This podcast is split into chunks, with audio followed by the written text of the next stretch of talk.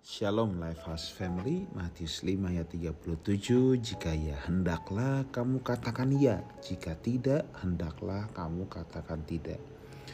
Apa yang lebih daripada itu berasal dari si jahat. Saudara konteks ayat ini kalau saudara baca se uh, ayat sebelum-sebelumnya ya, maka ayat sebelumnya sedang berbicara tentang jangan sekali-kali bersumpah demi apa pun itu. Demi bumi kata Tuhan gak boleh sebab bumi itu tumpuan kakinya.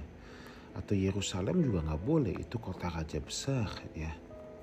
Demi diri sendiri pun demi kepalamu kata Tuhan gak boleh juga. Engkau tidak berkuasa kok kata Tuhan untuk memutihkan atau menghitamkan sehelai rambut pun ya. Tetapi jika ya katakan dia, jika tidak katakan tidak. Apa yang kita belajar saudaraku? Saudara, kenapa sih orang sampai bersumpah? Orang sampai bersumpah itu biasanya karena sudah kepepet.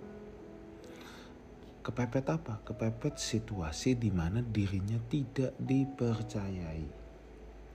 Maka sampailah orang harus mengeluarkan kata-kata sumpah.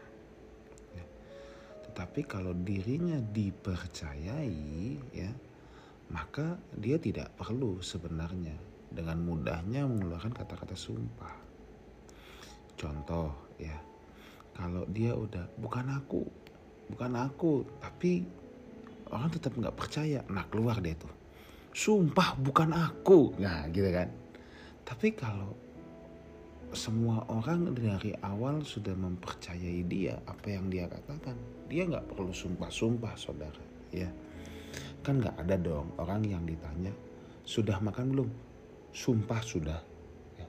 jadi kalau ditanya jawab apa pun pakai sumpah kan nggak ada yang seperti itu Nah, jadi isunya di sini adalah sebenarnya bagaimana supaya kita menjadi orang yang bisa dipercayai. Nah, isunya kan sebetulnya lebih ke situ. Itu sebabnya saudaraku, ya.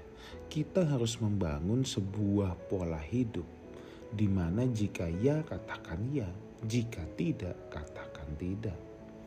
Apa yang lebih daripada itu berasal dari si jahat milikilah pola hidup yang jujur dari keseharian, sehingga orang percaya sama kita. Kalau ya dalam keseharian kita selalu yang kita sampaikan half truth half lie, setengah benar setengah bohong. Jadi setiap kali kita ngomong orang tuh bingung orang ini benar atau tidak, orang ini bohong atau enggak ya, gitu. Nah, jadi kita itu harus memiliki pola hidup di mana memang kejujuran, integriti, integritas adalah bagian dari keseharian hidup kita. Itu yang penting saudaraku.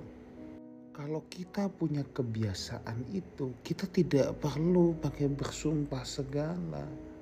Ya. Kita cukup berkata jujur, ya kalau kita menjadi orang yang apa adanya ya bukan ada apanya ya kita nggak perlu berbelok-belok kita ngomong orang juga sudah pasti percaya yuk kita bangun kejujuran ya menjadi pola hidup kita. Sehingga kita nggak perlu bersumpah. Ya katakan ya. Tidak katakan tidak. Tuhan Yesus menyertai kita semua. Amin